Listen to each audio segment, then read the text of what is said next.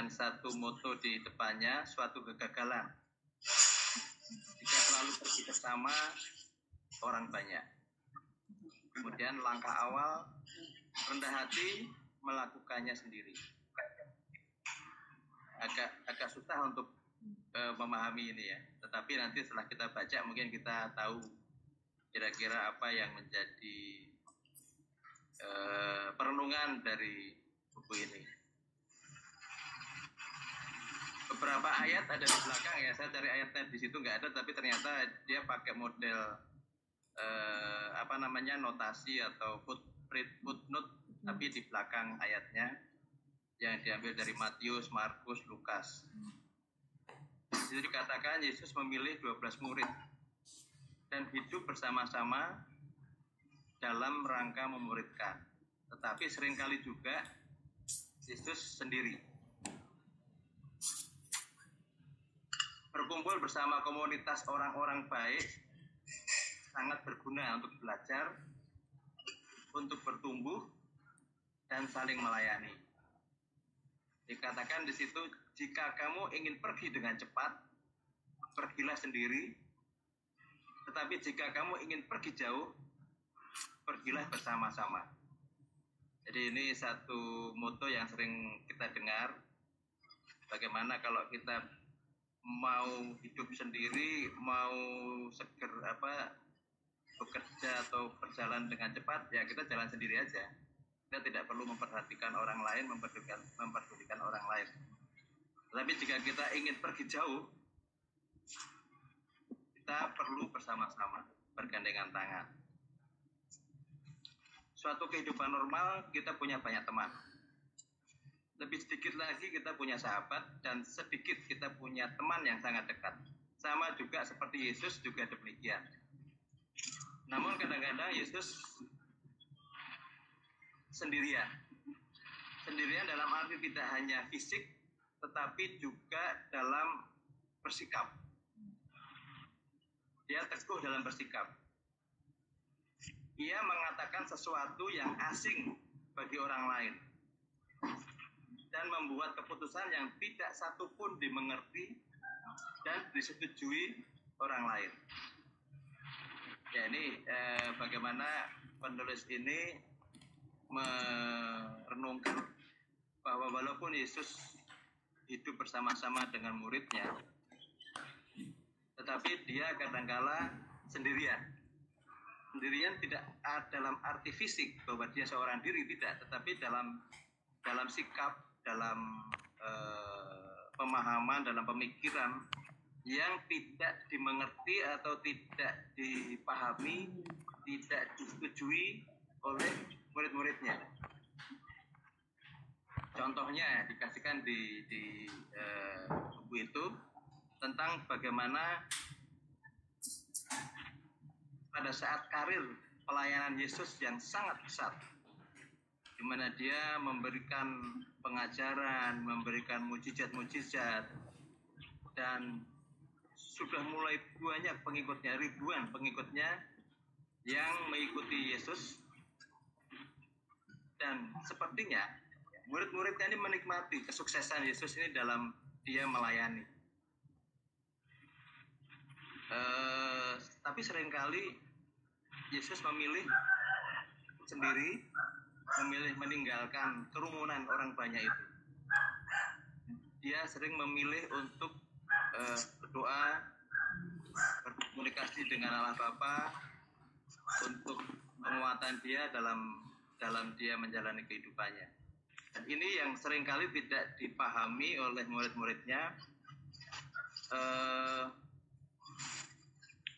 bagaimana pemikiran Yesus ini tidak sejalan dengan pemikiran murid-muridnya.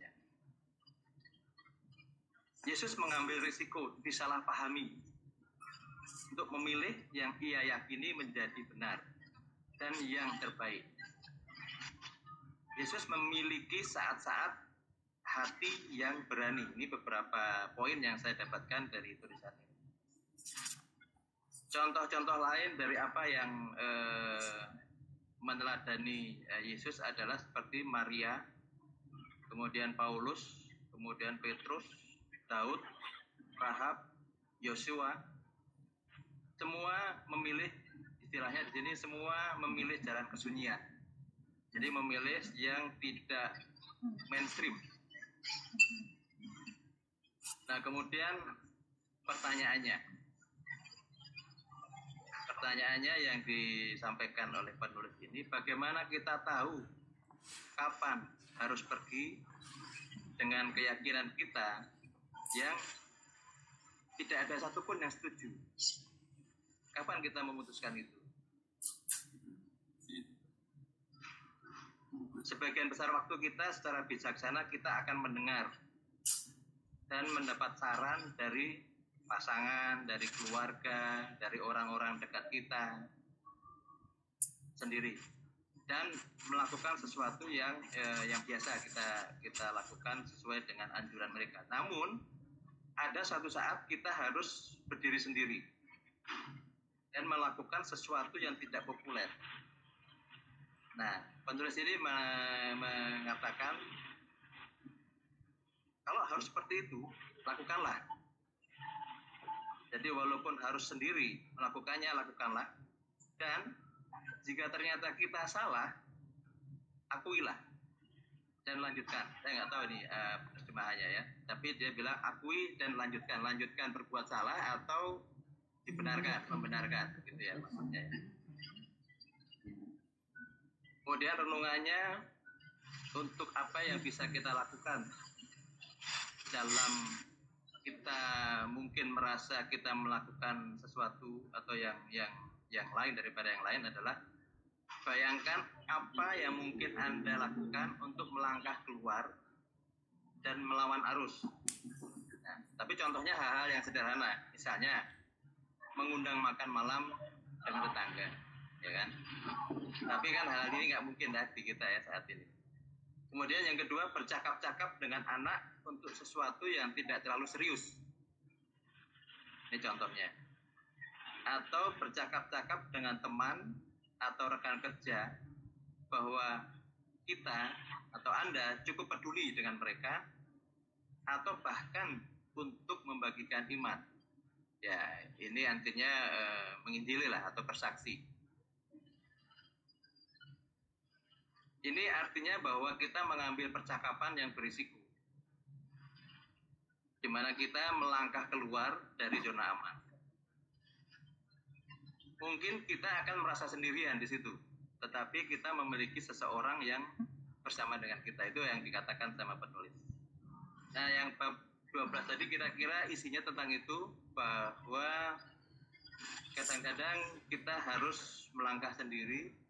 Melangkah sendiri itu artinya eh, tidak tidak sejalan dengan mainstream gitu. Seperti yang Yesus katakan. Kalau dari pemahaman murid-murid Kristus kalau kita mungkin memahami kontekstual pada saat itu sepertinya wajar kita tidak memahami apa yang yang Kristus lakukan, apa yang Kristus katakan. Ya kan misalnya dia nanti di bab 13 ya. Itu katakan sesuatu yang gila judulnya. Nanti di situ ada cerita kita tahu bahwa Yesus menyembuhkan orang buta menggunakan tanah yang diludahi ya kan? Tanah yang diludahi kemudian orang itu disuruh menceritakan ke ke siapa ya? Ahli Taurat ya masalah ya. Bahwa dia sudah sembuh. Nah, artinya itu satu yang yang yang apa ya? Yang terlihat bodoh. Padahal di tempat di saat yang lain Yesus menyembuhkan orang buta yang nggak pakai apa-apa kemudian dikatakan lagi pada saat Yesus bicara dia akan menghancurkan bait Allah di depan orang-orang sinagog, orang-orang Farisi, dan akan membangun kembali dalam tiga hari. Sementara murid-muridnya yang ada di situ kan belum tahu sama sekali apa yang maksud dari perkataan itu, sehingga bisa dibayangkan pada saat dia bilang seperti itu di depan sinagog, murid-murid itu akan terbengong-bengong, saling memandang, ini ngomong apa Yesus ya? Ya artinya sesuatu yang yang ya mungkin dengan orang umum dianggap bodoh. Ya. Kemudian eh, contoh yang lain misalnya saat Musa ngomong dengan Fir'aun. Saat tinggal bersama dengan Naomi contoh lain saat Hosea diperintahkan Tuhan untuk menikahi Gomer Gomer adalah perempuan Sunda. Jadi contoh-contoh itu eh, satu contoh yang mungkin orang melihatnya seperti suatu kebodohan. Kemudian penulis ini juga memberikan kesaksian saat dia di Somalia tadi ngobrol-ngobrol tentang Somalia itu negara yang sangat eh, apa ya brutal ya banyak perampok banyak eh, kejahatan dia berani memberanikan diri untuk ke sana untuk misi dia. Kemudian diceritakan di situ bahwa pada saat kekeringan dia sama temennya disuruh berdoa di depan 2000 orang Somalia. Doa minta hujan. Dia sangat ragu dan sangat takut bahwa apa yang didoakan nanti ini kayak omong kosong gitu ya. Tetapi rupanya Allah bekerja luar biasa. Setelah dia berdoa, besoknya hujan. Jadi dia merasa bahwa apa yang dia lakukan itu sebenarnya eh, karena dia merasa itu suatu kebodohan. Tapi Allah ternyata melihatnya tidak. Tetapi di kesempatan lain, pada saat dia melakukan sesuatu, dia berkesempatan untuk bicara bisnis dengan orang tetapi dia memanfaatkan obrolan itu untuk membagikan Injil. Saat itu juga obrolan berhenti atau diskusinya tidak berjalan dengan baik. Jadi dia merasa eh, apa yang dilakukan juga sesuatu yang tidak selalu berhasil. Sementara Yesus selalu berhasil dalam eh, obrolan-obrolan dia. Jadi itu yang yang disampaikan oleh penulis ini dua hal yang yang eh, ber, berkaitan bagaimana kadang-kadang kita harus berjalan sendiri kadang-kadang kita harus melakukan suatu dalam tanda petik kebodohan di mata orang luar Nah itu kira-kira resume dari dua bab ini yang saya coba ambil benang merahnya. Nah silakan teman-teman diskusikan atau punya pandangan yang lain untuk eh, topik ini. Atau ada pernah pengalaman atau kesaksian pernah melakukan hal yang sama? Entah itu yang berhasil entah itu yang tidak berhasil. Monggo silahkan kalau ada yang mau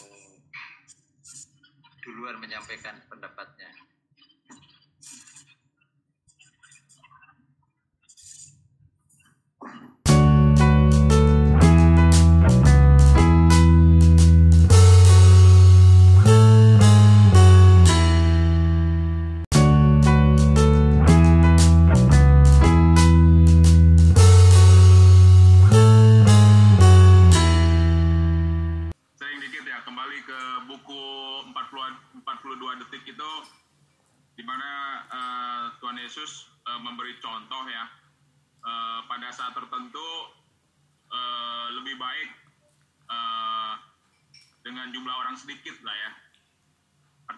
dalam bentuk kelompok ya itu kita lihat di bagian lain uh, Injil ya uh, waktu Tuhan Yesus mengutus katanya ada 70 orang muridnya gitu ya. Tapi dia mengutusnya itu dua-dua gitu dua orang dua orang. Nggak langsung 70 bagi tiga atau bagi empat atau bagi 10 tujuh orang tujuh orang tapi dia cukup dua-dua gitu. Artinya lebih sedikit itu memang uh, lebih baik pada kondisi tertentu ya. Kemudian juga waktu orang gila yang di orang Gerasa itu uh, di bagian akhir cerita itu ya pada saat dia mau ikut Tuhan Yesus kata Tuhan Yesus kamu nggak usah ikut saya pulanglah ke rumahmu ceritakanlah apa yang sudah Tuhan kerjakan kepadamu gitu ya. Jadi memang e, dari bagian itu buku itu mendorong kita ya untuk e, datang kepada eh, network kita ya orang-orang yang kita kenal sesuai dengan konteks kita masing-masing ya kita punya teman-teman sendiri, kita punya keluarga besar sendiri, kita punya teman-teman uh, alumni sendiri gitu ya, di mana memang konteksnya itu sesuai kalau kita sendiri yang yang uh, kontak gitu ya. Tetapi usaha sendiri-sendiri juga tentunya ada usaha kolektif ya, seperti kita sekarang ini kita sedang uh, belajar bersama-sama, saling meneguhkan, saling melengkapi ya itu bagian dari uh, teamwork yang kita lakukan supaya kita lebih uh, tajam, supaya kita lebih uh, bisa lebih peka pada saat kita uh, membagikan kabar baik itu ya sesuai dengan konteks kita masing-masing, baik pada saat waktu kerja di lingkungan keluarga besar, di tetangga ataupun di di gereja ya. Itu bagian pertama. Terus yang kedua uh, berani berani beda ya. Saya melihatnya itu ya kita uh, sesuatu yang kita yakini ya. Kita uh, harus berani uh, berbeda dari mainstream ya. Mainstream ke kebanyakan orang mempercayainya ya. Dan itu akan dipengaruhi oleh keyakinan kita ya. Seperti uh, dulu waktu kita mahasiswa kalau kita nggak ke gereja gitu ya kayak ada rasa bersalah gitu. Walau paginya kita ada rally ya, tapi belum ke gereja ya sorenya beberapa kita memaksakan untuk pergi ke gereja. Tapi sekarang kita ada perubahan cara pandang, ada perubahan paradigma bahwa apalagi ada janjian di gereja sama siapa bang? Iya. Iya. Bersekutu itu tidak hanya di dalam gedung gereja gitu. Saya kan ingat dulu kan pilih ke gereja hari Minggu pagi atau golok gitu ya. Nah, daripada duduk di gereja mikirin aduh ini lagi mau di green mau pating gitu. Atau lebih, lebih baik di lapangan golf. Kita memuji Tuhan melihat hijaunya gunung eh hijaunya pohon. Nah ini aja ya sebenarnya jok aja tapi intinya kita sudah tahu semua ya paradigma kita sama bahwa uh, Tuhan Yesus pun mengajarkan ya uh, pada saat ada hal yang lebih penting ibadah ritual itu bisa menjadi nomor sekian gitu. Kalau ada kesempatan kita bisa menolong orang lain, tetangga, saudara pada hari Minggu ya, kita yakin bahwa ke gereja ritual itu eh, bisa menjadi tidak menjadi prioritas eh, nomor satu. Apalagi dengan kondisi COVID-19 pandemik ini kan, semua keyakinan atau itu udah dibongkar habis itu.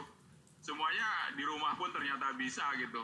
Bahkan ada beberapa keluarga sengaja nggak e, ritual gereja dengarkan khotbah tapi lebih efektif sharing di antara keluarga membagikan e, apa kerinduan hati masing-masing anggota keluarga itu lebih lebih efektif ya. Dan itu memang e, apa perubahan paradigma itu itu adalah bagian juga dari hasil kita belajar bersama-sama gitu ya jadi uh, kita belajar ada saatnya kita bisa maju sendirian tetapi ada saatnya kita perlu bersama-sama untuk saling meneguhkan, saling melengkapi, saling mendoakan itu. Dan saya yakin kita semua sudah melakukan itu dan sedang melakukan itu ya. Buku uh, buku 42 detik itu meneguhkan apa yang uh, sedang kita kerjakan ya. Jadi kita semakin semangat lah uh, melakukannya. Itu aja Mas Gun. Ya oke. Makasih. Uh,